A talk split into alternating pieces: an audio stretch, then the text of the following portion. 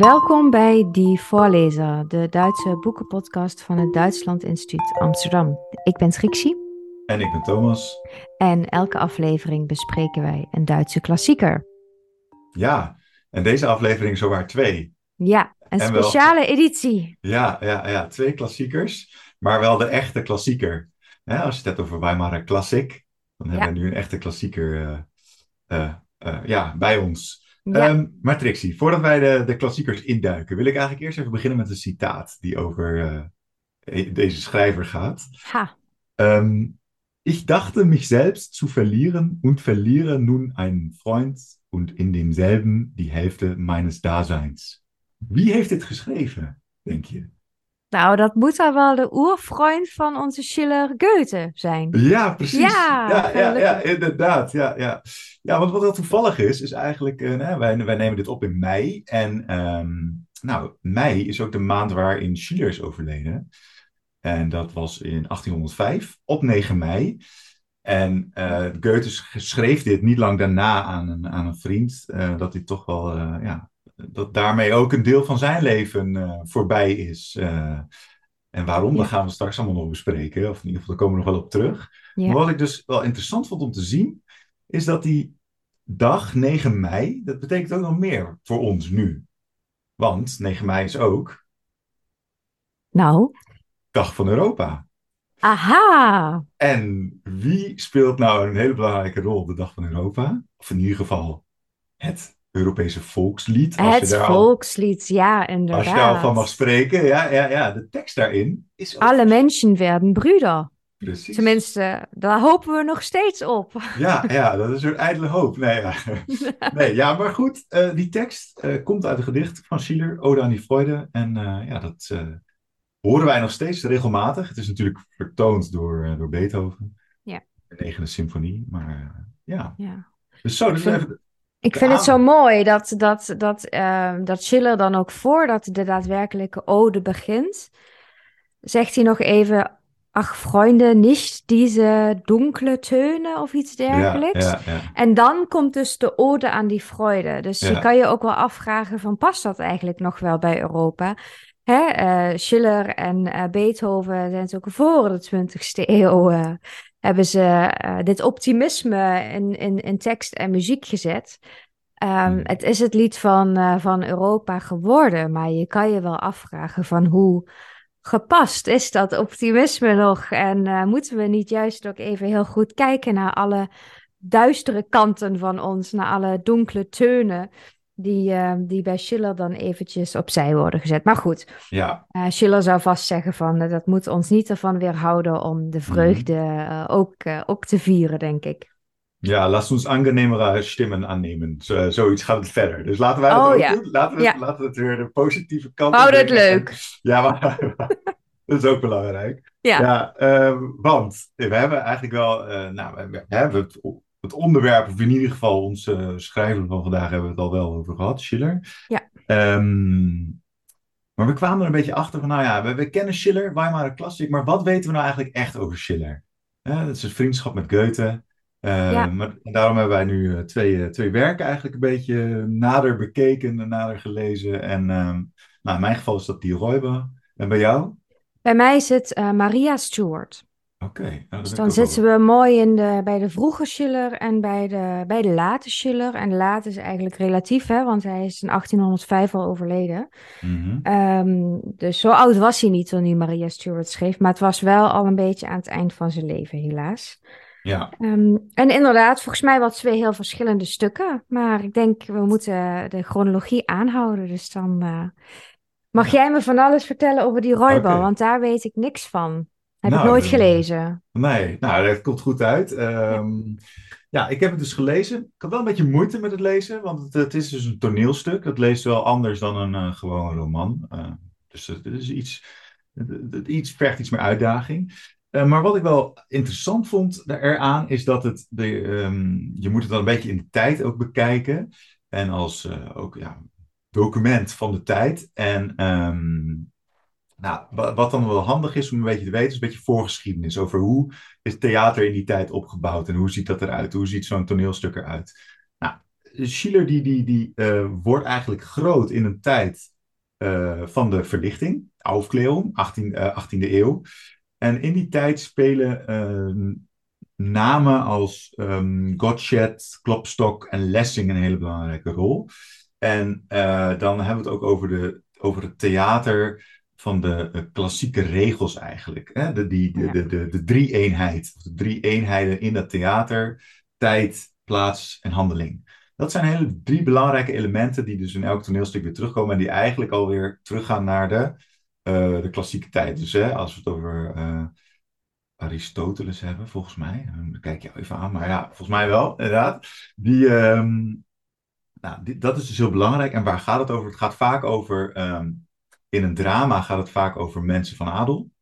Dus dan heb je een beetje hè, de adellijke, uh, ja, adellijke geschiedenis. Of er wordt iets, de, personages, karakters, die hebben allemaal zijn van een hogere, hogere stand.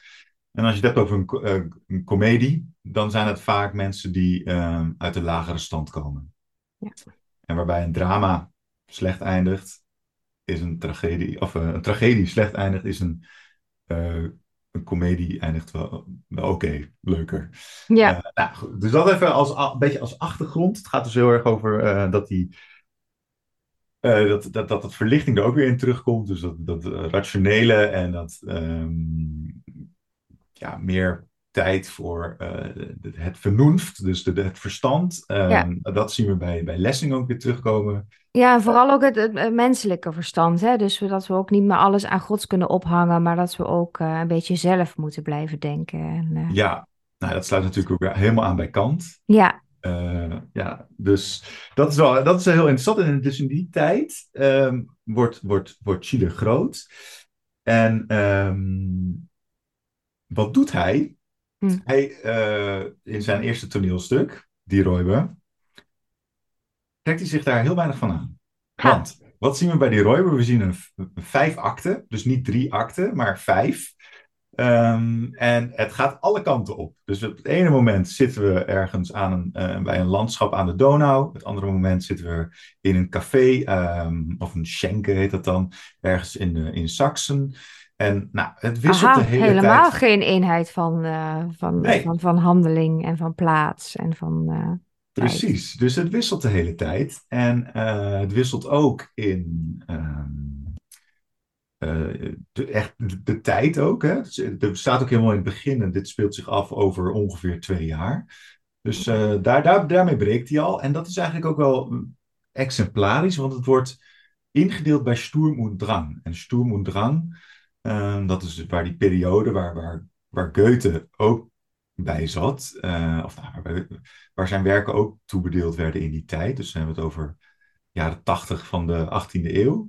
Ja, de jonge Goethe dus dan. Hè? Dus de Werther moeten we dan aan denken. Ja, ja. inderdaad. Ja. Werther, hebben we ook al eens besproken. Ja, het, al dat gevoel dat opeens door dat verstand heen breekt. Inderdaad. allemaal loskomen, die gevoelens. En uh, een beetje dat rebellerende, het genie wordt in het middelpunt gezet.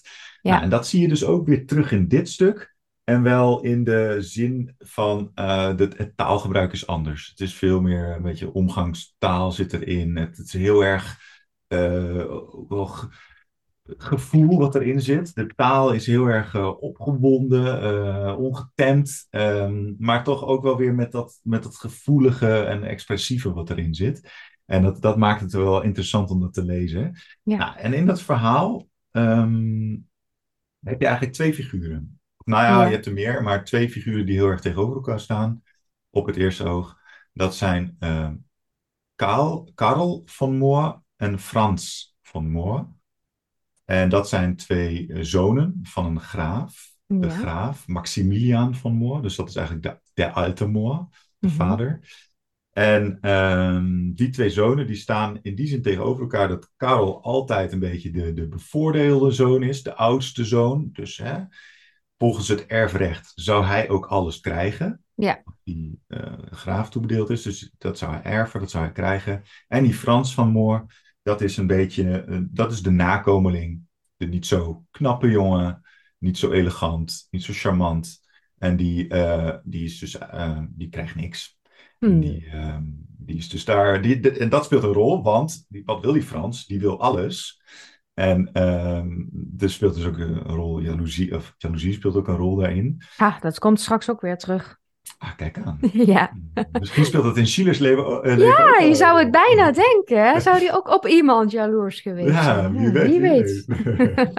nou ja, goed, maar kijk, dus dat... Uh, wat, wat, nou, het begint eigenlijk zo. Um, Frans van Moor en vader van Moor, dus de, de, oude, de, de oude Moor, die zijn thuis uh, op hun kasteel. En ehm, daar krijgen ze een brief van uh, Karel. En in die brief ehm, vraagt Karel eigenlijk om een soort van vergeef, vergiffenis. Mm. Maar wat doet Frans? Die zegt uh, tegen zijn vader, um, nou ja, hij schrijft hele andere dingen. Dus die, die, die liegt eigenlijk over wat er in die brief staat. En die, um, die zorgt voor een hele andere wending aan wat er is gebeurd. Ja, dus, dus Frans is zeker niet enkel een slachtoffer van deze situatie. Hij, uh... Nee, nee, nee, zeker niet. Frans nee. die, die, is er naar mijn idee eigenlijk op uit dat die, um, datgene wat, dat Karl eigenlijk onterfd wordt en dat Frans alles krijgt. Ja. En um, daarin gaat hij dus best wel ver. Dus hij, hij, hij liegt zijn vader voor. En hij. Nou, die, zij reageren dus ook weer in een brief terug naar Karel. Dat die Karel uh, ja, dat hij eigenlijk onterfd wordt en dat hij niet meer terug hoeft te komen. En dat hij, dat hij niet vergeven wordt. Maar dat doet hij dus die Frans. Dus dat is een beetje. Een, uh, zo begint het eigenlijk. Mm -hmm. En wat doet dan, want dat is de titel van het verhaal, het is, uh, of de, de, titel van het theaterstuk is Die Räuber. Nou, Karel die zit dan in dat, in dat dranklokaal en dan krijgt hij dus die brief terug. En um, hij begint dan samen met een, met een vriend van hem, begint hij een uh. En dan gaan ze samen op, op rooftocht en ja. um, daarin ja, neemt hij eigenlijk de leiding. En leeft hij eigenlijk een beetje een soort van het vrije leven. Dus hij is een beetje ook wel op de vlucht van al die burgerlijke um, ja, verplichtingen. Die ja, dat alles wat hem, uh, wat, hem, wat hem te wachten staat, daar heeft hij misschien zelf ook niet zo heel veel zin in. Dus dan heeft hij nu een goede aanleiding om, uh, om een andere keuze te maken misschien. Ja, precies. Uh, al is hij er wel heel, heel verdrietig onder dat hij dus niet het vergiffenis krijgt van zijn vader, maar een hele andere brief. Nou, ja. En, dat hij dus niet terug hoeft te komen. Ja. Um, dus die, die, nou, die gaan dus op rooftocht. En uh, dan gaan ze op een gegeven moment gaan ze een andere uh, rover bevrijden. Uh, die is namelijk veroordeeld en die bevrijden ze op zo'n dagen manier dat ze het hele dorp in de brand steken. Okay. En ja, het gaat best wel heftig aan toe. En dan ehm, hebben ze, kunnen ze hem wel bevrijden en het wordt dan helemaal gevierd en dat wordt, zijn ze helemaal blij mee. En dan komt op een gegeven moment een pastoor er naartoe. En die, die weet ze dan te vinden in de bossen en die spreekt ze dan aan over wat ze hebben gedaan. En, en dat vond ik wel interessant om te lezen, want die pastoor die neemt hele grove taal in de mond. Dus dat oh. past misschien ook wel weer een beetje bij het, hè, het stoermoedrang, het andere taalgebruik, wat dus ja. uh, belangrijk wordt in die, in die uh, verhalen. Ja. Uh, dat hij heel erg, ja, toch wel wil niet zeggen, schel, ja, wel scheld eigenlijk. Naar die ja. Dus dat, dat de pastoor dat, dat soort woorden in de mond neemt. Een beetje Shakespeare-achtig misschien wel wat dat betreft. Uh, dat, ja. uh, dat, er dan, uh, dat je het misschien niet ziet aankomen als moderne lezer ook, omdat het allemaal wat ingewikkeld is en wat, wat grote thema's worden aangesneden, maar dat ook het hele menselijke zeker ook dan af en toe er, eruit, eruit komt, zeg maar. Ja, ja, nee, dat is absoluut. Dus dat, dat, uh, dat zit er echt in. Um, ja. Nou ja, en, en uh, zo gaat het nog even een stukje door. Um, dus hij, hij blijft een tijdje bij die, bij die bende, of bij die roversbende, om het zo maar te noemen, blijft hij, blijft hij actief. En uh, terwijl aan het hof thuis, daar is Frans en daar is ook nog het overgebleven liefje van Karel, en dat is Amalia. Ach. En Francie uh, wil er alles aan doen om Amalia uh, eigenlijk tot zijn vrouw te krijgen. Ja, om het en, compleet te maken, zeg maar. Ja, precies. Dus hij wil en de erfenis en ja. hij wil ook nog uh, Amalia als, als vrouw. En is bereid daar best veel ver voor te gaan. Um, Wat bedoel je maar, daarmee, ver voor nou, te gaan? Nou, dat hij haar op een gegeven moment Ik weet, dat staat ergens in het verhaal, in de derde acte, staat dat hij dan naar haar toe wil komen om haar uh, te ontmaagden. En uh, op die manier ook zelfs tegen haar wil in. Daar komt het eigenlijk op neer. Dus dat, dat vind ik best ver gaan. Ja. Uh, vanuit mijn perspectief nu, hè, mijn 21-eeuwse perspectief. Ja. Um, maar goed, die, dat, dat, Amalia die laat zich dat niet gebeuren. Die zegt in een soort gesprek dat zij hebben die, in die hele situatie um, omarmt ze hem en terwijl ze hem omarmt, pakt ze zijn uh, degen, degen, zijn zwaard en zegt mm. ze, uh, dat gaan we niet doen. Dus, Wat tof, ja, van Amalia. Ze hem weg. Ja, zeker. Ja, Amalia is wel een tof figuur. In het, ja. Nou goed, en dan, uh, dat is dus, terwijl dus dat daar aan het hof gebeurt, smeet Frans allemaal verdere plannen om uiteindelijk ervoor te zorgen dat, dat hij alles krijgt. En um, aan de andere kant van het land, we weten niet helemaal waar, ergens aan de Donau, um, zit dus die roversbende en daar komt dan een figuur aan.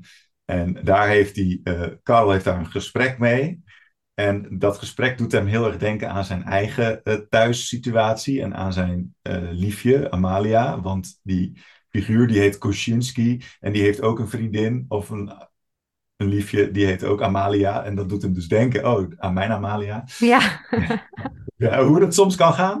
Uh, al die gevoelens. Uh, nou ja, goed. En hij gaat dus weer terug en hij zegt, ja, ik moet daar naartoe. En dan komt hij dus in de vierde acte, komt hij dan daar. En dan verkleedt hij zich eerst als, doet hij zich voor eerst als iemand anders.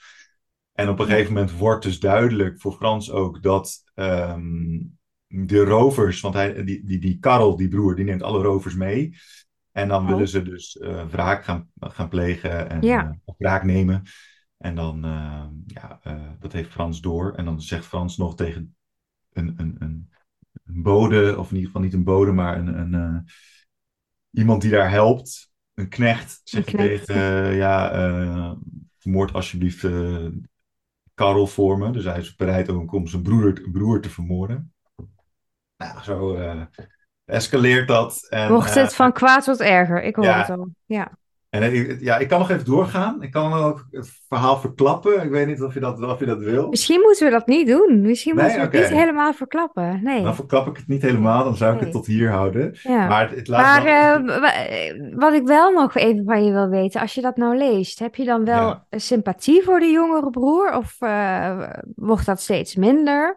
Uh, en, en hoe zit dat dan met Schiller? Heeft hij dan ook nog wel een soort van begrip voor uh, die positie? Um, of laat hij toch vooral zien hoe, uh, hoe de mensen toch kunnen vervallen in barbarij? is, zit daar een moreel oordeel in? Of is dat morele iets van de latere Schiller?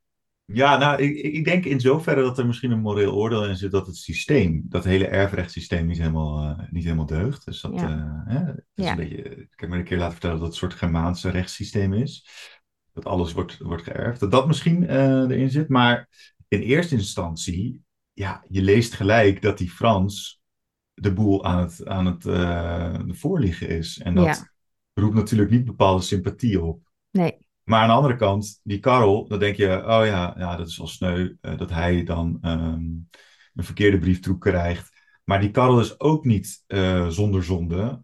Want in die brief die hij stuurt, daar staat dat hij 40.000 ducaten heeft gestolen. Hij, heeft de, uh, hij is naar bed geweest met iemand, mm. met een vrouw. En die al beloofd was aan iemand anders. En vervolgens heeft hij dus met diegene waaraan zij beloofd was, heeft hij geduelleerd en heeft hij hem vermoord. Zo. Dus ja, die Karel is ook niet zonder zonde. Dus het is, eh, ja, je, in, in zekere zin kan je wel een beetje identificeren, want het gaat ook heel erg over, uh, ze laten heel veel uh, gedachten ook los en heel veel gevoelens zitten erin. Dus je, ze nemen je mee in wat zij voelen en wat zij door, doormaken eigenlijk. Maar um, ja, echt identificeren zo van, oh, zo zou ik ook doen, dat, dat vind ik wel lastig. Ja. Dat, uh, ja. Dat, nou, en dat dat het iets te ver, ja, ja, ook qua tijd en, en, en staat het iets te ver van me af, denk ik. Dus dat, ja. Uh, maar het was wel heel interessant om te lezen, want het is toch wel, ja, het is, het is als verhaal, als theaterstuk, echt kenmerkend voor die Stoermoedrang, doordat het qua regels alleen al anders is dan, uh, of doordat het qua regels al breekt met alles wat daarvoor was. Ja. Um, qua die, hè, die eenheid van handeling, plaats, tijd. Nou, en uh, ook wel een beetje dat je echt gewoon die gevoelens heel erg meekrijgt. Dus dat menselijke wat erin zit. Nou ja, en, en ook het destructieve daarvan. Hè? Dus dat, mhm. die, uh, dat die gevoelens echt uh, op sommige momenten hier in dit stuk, als ik dat zo hoor, nogal de regie pakken. en uh, en ja, niet, niet gereguleerd worden, maar gewoon, ja, ja in dit geval dan op die, op die andere broer losgelaten worden. Dus je eigen je eigen jaloezie en je eigen onvrede. Ja. En um, dat, dat is de, de reden, de, de vanunft, uh, het onderspit delft, simpelweg. Mhm. Ja. ja, en wat hier ook heel sterk in zit qua thematiek, uh, of wat, wat, wat je erin zou kunnen lezen, ik weet niet wat de intentie is, maar mhm. vader-zoon verhouding. Want die moeder die is vroeg overleden. Uh, dus is die vader, de oude, de oude moor, is met twee zoons overgebleven. En ja, wat voor opvoeding hebben die twee jongens nou gehad? Dat is een beetje, dat wordt hier ook. Uh, Hebben zij wel leren omgaan met elkaar? Hebben zij wel leren omgaan met hun gevoelens? Uh, dat, dat wordt hier ook een beetje ja. in, in vraag gesteld. Um, dat ja, dus... dus dat is ook misschien wel het gevolg van een ontbrekende moeder. Dat ze dus niet zo goed met die gevoelens om kunnen gaan. En dat die vader waarschijnlijk vooral heeft voorgeleefd dat hij zelf ook niet zo goed weet wat hij met zichzelf aan moet. Ja. En, uh, met, zijn, uh, met zijn gedachten en uh, gevoelens en emoties. En mhm. driften mm -hmm. en noem maar op. Ja. Klopt. Ja, dus dat, dat, zit er, dat zit allemaal in. Um, ja. Ja het is, het was, ik vond het nou, wel pittig om te lezen, omdat ik dus niet zoveel uh, toneelstukken lees. En um, ook wel omdat de taal best wel verouderd is. Ja. Uh, hè, er staan er dan woorden als itst. En dan moet je toch wel even weten, oh ja, hier wordt jetst mee bedoeld. ja. Uh, dus dat zijn dingetjes dat je denkt, oh ja, oh ja. Ja, en ik vind sowieso over het algemeen Schiller toch vaak wel zijn stukken, hè, als je naar een opvoering gaat, het duurt vaak best wel lang. Er gebeurt veel, er is veel mhm. plot. Je moet goed opletten. Het is vaak uh, historische materie. Ik vind het Don Carlos moet ik ook elke keer weer. Dat is een heel populair stuk, dus ik heb het wel eens, uh, wel eens vaker gezien. Mm Je moet altijd weer van, oh ja, hoe was, hoe zat het ook alweer in elkaar? En uh, iets met zijn brief die aan iemand overhandigd wordt. En ik ben het alweer helemaal vergeten hoe het in elkaar zit. En uh, dat, ik vind dat wel typisch Schiller. Dan moet je, je moet een beetje, mhm. een beetje fris nog naar het uh, theater gaan om dat allemaal, uh, tenminste als je daar niet heel erg getraind in bent, wat dus misschien mhm. het geval is bij mij. Maar je moet een beetje, je moet wel blijven opletten bij een Schiller, want anders kan je de draad ook al kwijtraken. Ja, dat, ja. dat ja, was dus wellicht altijd al zo. Ja. ja, er zit dus echt heel veel in en dat, is, dat maakt het denk ik ook. En ja. Nou, wat, wat, wat ik je sowieso wil meegeven, wat je dus van die Roybe moet onthouden, ja. Twee zonen, één vader. Het gaat niet goed. Dat, uh... ja, uh, nee, even... nee daar, kan Amalia, daar kan Amalia dan ook niks meer aan doen. Nee, nee, uh, nee. Laat Schiller het niet horen dat, dat ik dit zo zeg. Maar nee. Um, nou, nee, het is wel heel... En, en, en, misschien nog even wat een beetje achtergrond, hè. Um, want Schiller is ook wel een hele interessante man. Ja. Um, hij heeft medicijnen gestudeerd. Um, en hij schreef dit ook tijdens zijn studie. Nu las ik dat hij zich ook regelmatig ziek meldde om dit te schrijven. En nou is er een hele mooie tekening. Mm Een hele mooie tekening. is een mooie tekening van, van hoe Schiller dit toneelstuk oreert aan zijn um, vrienden, studiegenoten. Oh. Misschien heb je die wel eens gezien. Dat Schiller die staat dan zo met dat boek in zijn hand. En die staat dan in een bos. En dan om oh, hem heen liggen allemaal mensen. Ja, dat nou, ken dat ik. Is, ja. Dat is daar, uh, daar is die tekening van, of daar is een schilderij dan weer op gebaseerd. En dat is dus schijnt hè, uit die tijd dat hij dit heeft geschreven. Dus dat is wel uh, ja. weet, je, weet je, achtergrond. Nou ja, um, tijdens de studie. En hij heeft later nog um, ja, meerdere studies gedaan. Eigenlijk, hij is niet, niet zozeer verder gegaan in de medicijnen. Nee. Um, maar die interesse in de biologie van de mens was daar dus ook. Hè? En dat merk je ook wel inderdaad aan zijn stukken, dat hij de hele mens beschrijft. Uh, misschien inderdaad wel een beetje in de traditie van een Shakespeare, dat juist ook dat, uh, ja, dat fysieke bijna hè, uh, een rol speelt. Van hoe, hoe voelt dat dan in je lijf? En hoe, wat kan je daar met je verstand nog, nog aan doen dan? Ja, ja. mooi. Um, ja, ik denk dat ik, uh, dat ik over, over die Roybe wel zo'n zo beetje uh, uitgepraat ben. Um, Goed, misschien gaan we even, door misschien? Dus, of, ja, uh... de, de, de stap naar, naar jou. want Maria Stuart, wanneer is dat Ja, dat is in 1800 uh, oeraufgevuurd, met zijn mooi Duits woord. en Schiller is in 1805 overleden, weten we al. Dus ehm, aan het eind van zijn leven. Dus ja, wat is er in de tussentijd gebeurd? Ja, nou ja, de vriendschap met Goethe, met ja, Goethe, dat weet al, is van de grond gekomen. Ja. Ja, dat is wel interessant want, want die vriendschap, dat begon in het begin helemaal niet echt als een vriendschap, hè? En, en daar, daar heb ik ook een klein beetje in verdiept. Want er is zoveel over geschreven. En, en Safransky heeft daar een prachtig boek ook over geschreven. Ja, dat is natuurlijk smullen voor heel ja, veel uh, dat, ga, dat gaan we nu niet allemaal na kunnen vertellen. Maar wat ik er wel ook een beetje uit lees, is toch wel een zekere zin van jaloezie. Uh, van, van Schiller naar Goethe toe. Maar misschien niet, niet eens echt of het te definiëren is als jalo jaloezie, maar meer ook van, nou, um, Goethe wordt zo gezegevierd als een groot man in die tijd, in, in Weimar. En, en, en Schiller komt daar dan en iedereen, hè, Goethe helemaal fantastisch. En Goethe was toen op die, die reis naar Italië, die oh, hem helemaal heeft doen veranderen. En um, Goethe wilde zelf ook niet zoveel weten van Schiller, maar toch is dat, dat, dat is veranderd. En nou het moment waarop het verandert, dat, dat is mij nog steeds niet helemaal duidelijk waarom dat dan uh, dat mhm. anders is gegaan. Ik weet wel dat, dat Schiller een, een plek heeft gekregen in Jena om daar uh, te onderwijzen. Ja. En dat zijn interesse, naast dus medicijnen en de biologie, uh, ook erg uitging naar historische gebeurtenissen. En met name die 30-jarige oorlog qua thematiek. Ja. En dat zie je in heel veel werken terug. Ja. En nu wil het toeval dat Jena niet heel ver van Weimar ligt. En dat je in Jena, als je daar een keer bent, daar heb je Schilles Gartenhäuschen. Dat is een aanrader, dat is hartstikke leuk. Daar ben ik een keer geweest. Mhm. Eh, met een aantal studenten van het DIA, van uh, Duitsland studies.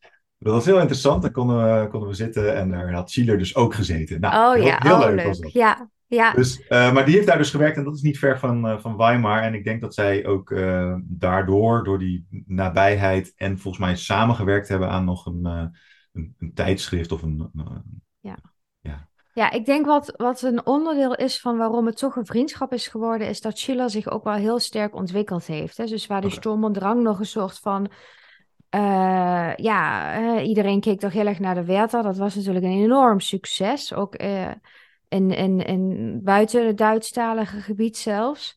En daar keek iedereen heel erg naar op. En Schiller dacht misschien van, oh, moeten we dit al nu nadoen? En op een gegeven moment, volgens mij, is Schiller dus juist uh, gestopt met, met, met imiteren. En heeft hij inderdaad heel erg vastgehouden in wat hij interessant vindt. En je zei dat net ook al, dat is juist het, het de historische materie. Hè? hij is bijna een historicus vaak. Hij uh, gebruikt um, waargebeurde verhalen uit de 16e, 17e eeuw ook bij Maria Stuart. En ja, waar Goethe toch wel heel erg vaak over zijn eigen ervaring uh, spreekt. En vanuit zijn eigen ervaring. Zelfs in de Faust, wat natuurlijk ook oude materie is. Heb ik bij Schiller wel echt het idee dat, dat hij heel erg speelt met die uh, waargebeurde materie. En daar mhm. toch ja, op zoek gaat naar van wat is nu een ideale vorm van cultuur en hoe kunnen we die cultuur en die oude verhalen gebruiken om er betere mensen van te worden. Hij heeft ook ehm, een aantal jaar voor de Maria Stuart heeft hij de, de brieven over de esthetische opvoeding, brief over die esthetische Erziehung geschreven. Hè? En dan, dan gaat het toch ook heel erg over, ja, uh, we hebben de cultuur nodig naast het verstand en ook naast de natuur om um, niet in uh, barbarij uh, terug te vallen. We hebben um, ja, uh, te maken met een klassenverschil in onze maatschappij. Dus we moeten met cultuur ook een soort van begrip kweken. We willen niet uh, het gevoel vernietigen, maar het gevoel moet ook niet de overhand nemen. En, de, en, de, en het theater heeft in die opvoeding, en die balans vinden van verstand en gevoel en niet de principes uh, de overhand laten nemen, maar ook niet het gevoel de overhand laten nemen. En die uh, zoektocht naar balans heeft voor Schiller volgens mij theater een hele grote rol gespeeld. Dus daar, daarmee is hij ook een klein beetje uh, ja, didactischer misschien dan Goethe, maar ook al een beetje speelser en wat rebelser. Hij was ook um, ja, veel bezig met, met revolutie en vrijheid. Hè? En dat zien we ook in veel van zijn stukken weer terug in de Don Carlos bijvoorbeeld. dus we zijn met Schiller steeds ook wel, nou ja, heel erg in de, in de historische werkelijkheid of zo, heb ik het idee.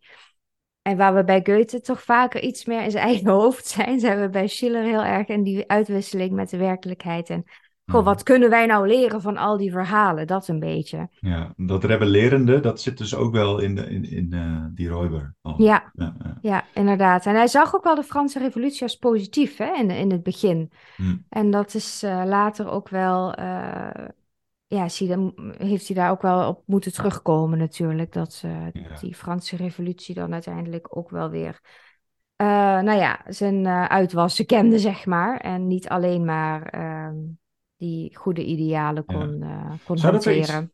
Dat zou dat er iets mee te maken hebben, zeg maar, die historische werken, ook met het oog op die revolutie in die tijd, de Franse revolutie, en de ontwikkeling van, uh, dus hoe die revolutie zich ontwikkelt en Napoleon aan de macht komt en uh, zo. Ja. Ja, Ik, ik, ik vind Schillers werken altijd uh, ook politiek. Het is altijd ook politiek. Het gaat altijd ook over vrijheid. Het gaat ook altijd over de onvrijheid van iemand in een politieke situatie.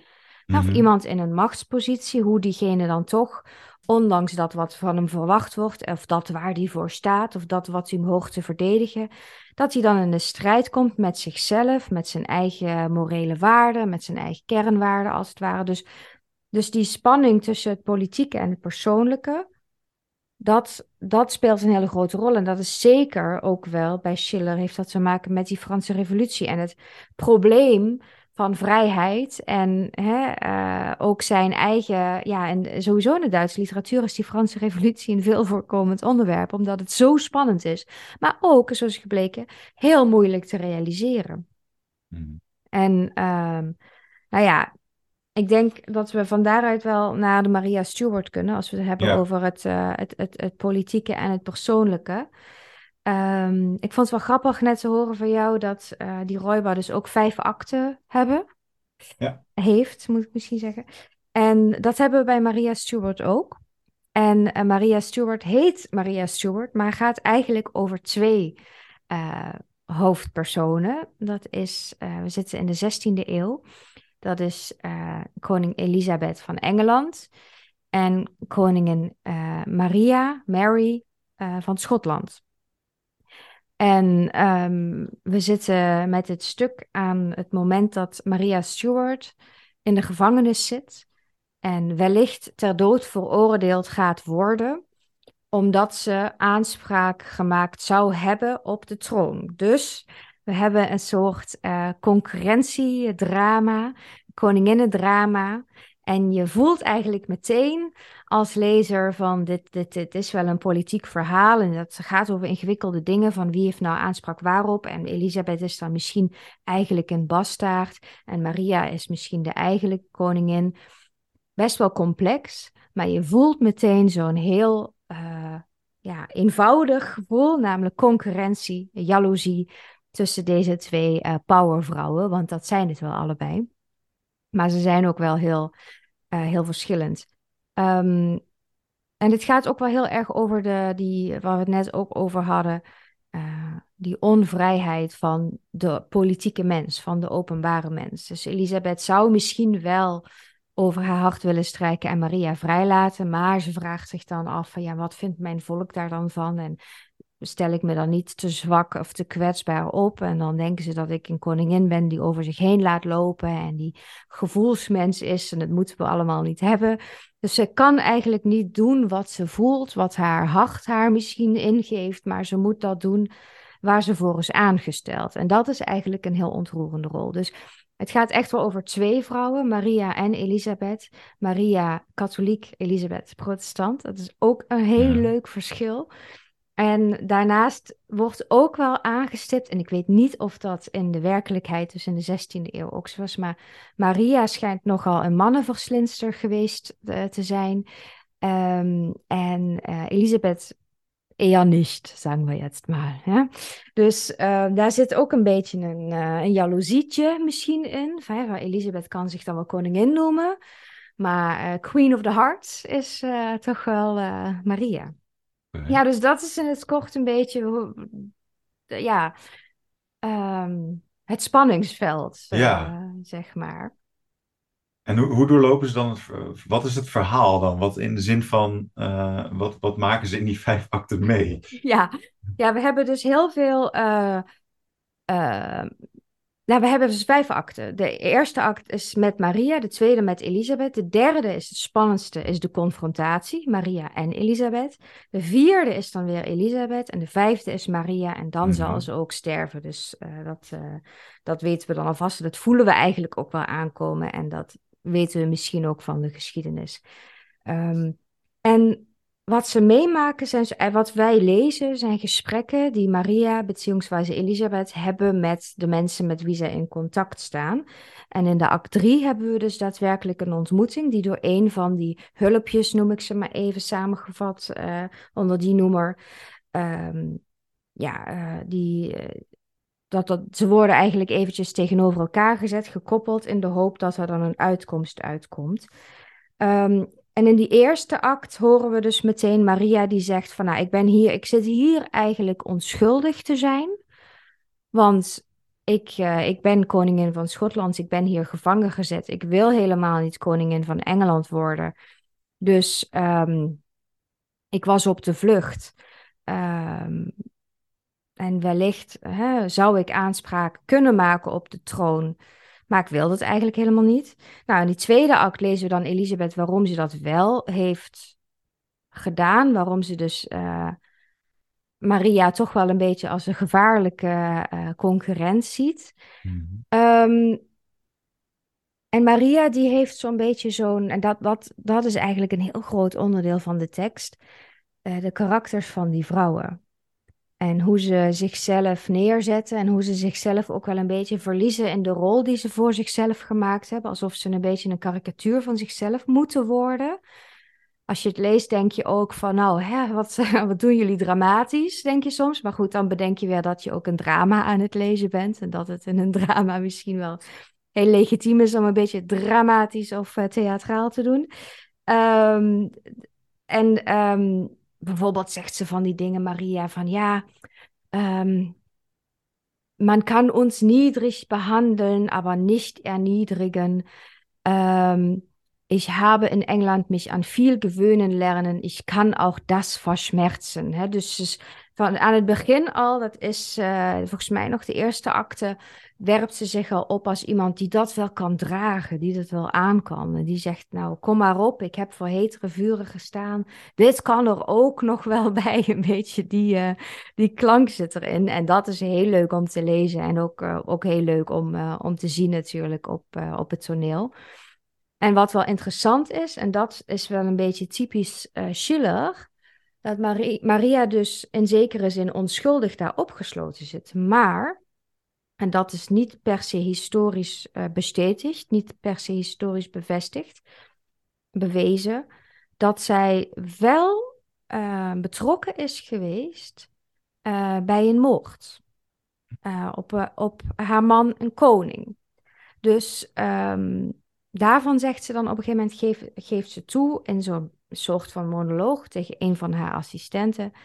Um, ik, ik, uh, ik erkenne schuld, zegt ze dan. Hè? Niet deze schuld waarvoor ik hier zit opgesloten, maar er is wel degelijk wel een, um, een, een, een schuld. En die schaduw die hangt boven me en die zal me ook nooit. Er werd nimmer vrede met meer maken. Hè? Dus die schuld die zal er altijd zijn, totdat mijn uh, ongeluk uitgevoerd gaat worden. Dus dan denk je als lezer al van, oh, maar hè, ze, ze, ze moet hier ook nog iets mee met, haar, uh, met haarzelf, zou je kunnen zeggen, met de schuld die, zich, die ze met zich meedraagt. Um, maar dat wil niet zeggen dat ze dus omdat ze schuldig is, denkt van oké, nou hè, so be it, ik zit hier in die kerker, er komt een doodsvonnis op me af. Dat gaat Elisabeth doen, uh, prima.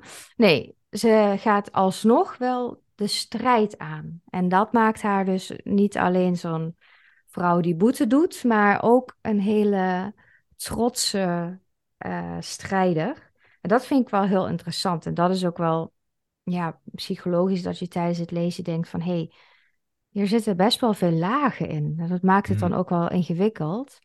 Um, en dat, dat, vind ik, dat vind ik wel heel mooi aan, aan Schiller. Dat zijn uh, persoonlijkheden die hij beschrijft, daar zit altijd toch weer een verrassende kant aan. Er zit altijd toch wel weer iets in dat je nog niet zag aankomen. Ja, dat, is, dat is, heb ik ook gemerkt. Dat je naarmate je het vaker leest en uh, beter leest, dat je ook wel weer in die personen iets ontdekt. Ja. Dat dat allemaal niet zo uh, ja, voor de hand liggend is als, uh, als het lijkt, zeg maar. Ja, ja dat, inderdaad. dat is wel gra ja, grappig. Ja. Maar dat maakte denk ik ook waarom Schiller zo groot is geworden. Ja. Zo'n zo, ja, grote naam ook in de literatuur, zoveel betekend heeft. Ja, ja, dat denk ik ook. Uh, je, kan, je kan met deze teksten echt heel veel kanten op. En je kan het echt heel mooi ook op de bühne brengen. Uh, omdat, omdat je met die personen, hè, dat zijn wel vrouwen bedacht door een man. En daar hoor je vaak over van, het zijn het wel vaak flat characters. Nou, deze niet. Deze dames niet. Er zitten wat clichés in, ook op het moment dat ze tegenover elkaar staan. Hij heeft Schiller ook in een brief aan Goethe van al, al, alvast tegen Goethe gezegd van, nou ja, het kan eigenlijk niet wat ik daar doe. Ze, het zijn twee koninginnen die strijden wie marktweiber.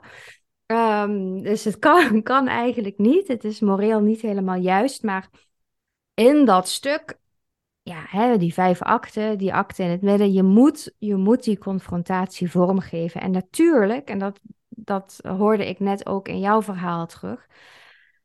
Natuurlijk komt daar dan ook het minder mooie van de mens eruit. Hè? Die, die uh, Elisabeth, die eigenlijk gewoon een ontiegelijke hekel heeft aan Maria. Want die is gewoon naar Engeland gekomen. Um, en um, daar zit Elisabeth maar mooi mee. Met dat probleem dat ze moet oplossen. Waarin ze het eigenlijk in de ogen van het volk nooit goed kan doen. En daarnaast is Maria dus uh, blijkbaar een, uh, een heel verleidelijke vrouw. Dus daar zit dan ook nog een beetje een jaloezietje van Elisabeth. En andersom, natuurlijk net zo. Hè? Maria is natuurlijk, in zekere zin, wordt zij onschuldig ter dood veroordeeld. Ook nog eens door iemand die daar niet zomaar voor uit wil komen. Omdat ze toch vooral denkt aan hoe dat dan politiek valt.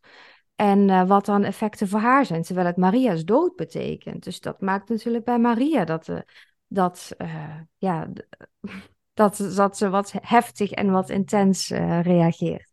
Hmm. En dat, dat maakt ja, die, die marktweiber-scène, die kon koninginnenstrijd, wel echt heel erg mooi ook.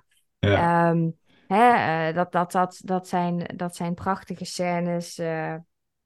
Uh, waarin ook um, uh, Maria op een gegeven moment zegt van... Uh, ik kan zeggen, ik ben beter als mijn roef. Hè? Dus ik, ik kan wel echt hardop zeggen van... Iedereen heeft een idee van mij, waarom ik hier zit en wat ik zou willen en wat, wat ik allemaal met die mannen heb gedaan. Maar ik kan echt oprecht zeggen, ik ben beter. Mm. Hè? Ook al weet de wereld het allerergste van mij. Ik kan zeggen, ik ben beter als mijn roef. En dan breekt eigenlijk ook een beetje Maria's, um, nou ja, façade zou je kunnen zeggen. Ze probeert tot dan toe nog wel een klein beetje, ja, ja ook, ook een beetje te hopen dat ze nog iets kan bewerkstelligen voor haar leven. Maar op het moment dat ze, dat ze losgaat, ja, dan weet je ook als lezer van nou nu, uh, dat, dat is, nou gooit ze wel heel erg haar eigen glazen in, Maria. Dan zegt ze ook dingen van de troon van Engeland. Uh, daar zit een bastaard op. En uh, als het nou echt uh, met recht toe zou gaan, dan zou jij hier voor mij liggen in het stof. En dan zou ik jouw koning zijn, zegt ze. Dan, dan, um, dan ik ben euer koning. Dus dan pakt ze eventjes de, de, ja, de machtspositie, zeg maar. Maar je weet dan van op het moment dat ze dat doet dan is het natuurlijk verloren. En dan zal Elisabeth, ondanks dat het politiek gezien onhandig is, kiezen voor het onderschrijven van uh, het doodsvonnis. Ja. Oké. Okay. En dat, dat, uh, die koninginnenstrijd, gebeurt het dus ook in de derde acte? Ja. Ja, ja. oké. Okay. Dat was eigenlijk wel een beetje in dat, dat schema. Hè? Je hebt een beetje een soort uh, opbouwschema van een toneelstuk. Ja. Waarbij je dan het, hè, de probleem of de situatie hebt, de, de inleiding, en dan bouwt het zo op tot het keerpunt, omslagpunt in die derde. En dan zo weer. Uh, ja, precies. Dus dat, de, uh, het breekpunt is in dit, deze ja. zin ook het omslagpunt, het, het, het uh, duel eigenlijk. Ja. De haat komt eruit, de jaloezie komt eruit. Ehm, ze verliezen beide een, een stuk van hun waardigheid, hè, die ze voorheen nog als soort mantel om zich heen dragen, die valt af. En daar komt ja, de, de, de, innerlijke driften en de, de emoties komen aan de oppervlakte. En daarna zakt dat weer een beetje weg. En dan heb je dus ook nog die innerlijke strijd van Elisabeth in acte 4. En dan uiteindelijk in acte 5 is Maria weer aan het woord. En um, dan, ja, dan, dan, dan wordt ze ook wel weer een beetje opgeheven. Hè? Dus in de act 3 dan, dan zie je haar eigenlijk bezwijken aan, uh, aan haar eigen emoties. Kan ze zich niet meer uh, ja, hoog houden, als het ware. Maar dan in die acte 5, dan, dan herpakt ze zich weer een beetje. En dat is heel erg mooi, vind ik. Dat is heel mooi gedaan. Dus Maria weet dat ze zal sterven. Maar dan zegt ze nog zoiets van: God is nu aan mijn zijde, omdat ik door deze onverdiende dood toch een oudere schuld kan aflossen. Ja, dus die oude bloedschuld noemt ze het volgens mij ook. Dus dan is ze verlost. En Elisabeth, die is helemaal niet verlost. Die werd, uh, wordt op het eind ook nog eens verlaten door iedereen die haar voorheen ondersteunde. En die dus probeerde te bemiddelen of juist probeerde een beetje te stoken. Iedereen zegt van nou Elisabeth, daar, uh, daar, uh, die laat ik maar even gaan. Want die, ja, die zal het de komende tijd zwaar hebben. Dus wie heeft er nou gewonnen? Nou, je kan moeilijk zeggen Maria heeft gewonnen. Maria gaat gewoon dood. Mhm. Wordt ge, hè, uh, is op een gegeven moment nog een kleine scène na de executie. Dan uh, zegt een van de assistenten, Leicester, zegt dan... Hè, ze, Maria is al bijna een, een, een verkleerter geest. Hè? Ze is al helemaal geest geworden. Ja, en Elisabeth die blijft alleen achter. Dus in zekere zin is Maria bij God aangekomen als toch een enigszins reine ziel. En Elisabeth die, um, die zit met de gebakken peren en uh, nou ja, met de eenzaamheid dus ook. Nou, dat, ja. ja. Het is, het is een tragisch einde. Ja, ja, dat loopt voor beiden niet goed af. En nee. uh, Hè, dus dus uh, het is of de dood of de, de eeuwige onvrijheid van iemand die dus wel, hè, Elisabeth probeert dus de goede beslissing te nemen, probeert zo rationele keuzes te maken, is daar ook onzeker over, doe ik nou het goede? Maar ja, Elisabeth wordt gewoon gedwongen tot een leven in, uh, in de schijn, hè, voor altijd onvrij. Ze moet doen wat, wat het volk wil, wat, wat, wat überhaupt geëist wordt van een monarch. Wat, wat ook van een vrouw geëist wordt, hoe een vrouw zich hoort te gedragen, trok Maria zich ook minder van aan. dus wie is nou de morele winnaar? nou, dat is in ieder geval uh, nog maar de vraag. Ja. Ja, dat, dat vind ik heel, heel erg leuk aan dit stuk. Dat het echt um, ja, twee, twee onmogelijke posities zijn. En wij als lezer, wij moeten dan maar hè, uh, door het lezen een vorm van bevrijding en een, een moreel inzicht zien te verkrijgen. Wij moeten dan maar wel uh, de Maria en de Elisabeth in ons of zo hè, uh, verenigen. Het, uh, het drift, driftige met een rationele politieke keuzes verenigen. Want ja, zo eindigt het. Ja. ja. En, maar hoe vond je het dan om het te lezen? Ja, ik vind dit echt een hele leuke tekst. Ik vind het echt smullen. En um, anders dan bijvoorbeeld tussen Don Carlos, waar ik echt goed bij moet opletten. Hier heb ik misschien historisch ook niet alles meteen onthouden na een eerste keer gelezen of gezien te hebben. Maar dat voor mijn gevoel, en dat is natuurlijk een, eh, een, een, persoonlijke leeservaring altijd, maar voor mijn gevoel is dat bij de Maria Stewart ook niet zo belangrijk. Ik zie hier gewoon twee sterke vrouwen die bij elkaar een kwetsbaarheid ontdekken en daar dan op gaan zitten. Okay, yeah. en daarmee ook natuurlijk verwond raken daarin, in dat proces. En um, ja, en, en, en ik vind dat Schiller heel mooi het politieke en het persoonlijke in één zin hè, uh, kan samenvatten, in één, in één uitspraak kan, uh, kan samenvatten. Dat doet hij, dat doet hij gewoon uh, dat doet hij gewoon heel knap in dit, in dit stuk. Dus um, Elisabeth die dan uiteindelijk verlaten wordt en ook door, door degene waardoor ze zich eigenlijk gesteund voelde. Ehm, dan merk je, het is, het is en een, ehm, een heel persoonlijk verlies, maar ook een, uh, het verlies van een, van een monarch daar, waar we dan getuigen van zijn. Hè? Dus, verlassen wollte mich der Mann, der mir das Leben rettete. Dan zo een vertwijfeling, zegt ze dan tegen Shrewsbury, is dat jij, juist jij wil mij verlaten, maar jij wilde toch ooit, ooit aan mijn zijde zijn? Nou ja, we weten dus nu donders goed waarom hij aan haar zijde wilde zijn. Omdat hij dacht dat zij een succesvolle koningin was. En, ehm, en nu weet hij van hier valt misschien niet meer zo heel veel te halen, dus ik ga er vandoor. En dat is natuurlijk ook zo verdrietig als je in zo'n positie bent, dat je niet van mensen op aan kan. Dat ze echt je door dik en dun steunen. Dat ze gewoon wegvallen ja, dat, uh, dat zijn uh, mooie, mooie levenslessen, denk ik. Ja, Nou, dat is leuk. Levenslessen met Schiller. ja. Uh, ja, ik vind het ook wel leuk om te horen, want ik ga dus binnenkort naar, naar de opera. En daar, daar speelt, of daar doen ze Maria Stuarda. Ik zag al een poster hangen, inderdaad. En dat is, dus, een, dat is dus gebaseerd op het toneelstuk van Schiller. Mooi. Nou, ik ben dus heel, heel benieuwd, benieuwd hoe dat is, inderdaad. Ik denk dat je daar ja, dat je er heel veel emoties in kan leggen. Bij Schiller is het natuurlijk tekst. Maar het, het, het, ja, ik kan me goed voorstellen dat dit met muziek heel interessant kan worden. Ja. Oh, mooi. bedankt. Ja, nou, jij bedankt. Uh, was, uh, was een leuk tweeluik zo, denk ik. Uh, hebben we toch Schiller in één keer te pakken. Mm um, en misschien wel leuk om te zeggen dat als mensen luisteren en zeggen van... Goh, maar waarom hebben ze nou nog nooit die en die of dat, of dat boek besproken? Um, daar staan we open voor, toch? Voor verzoeknummers. Ja.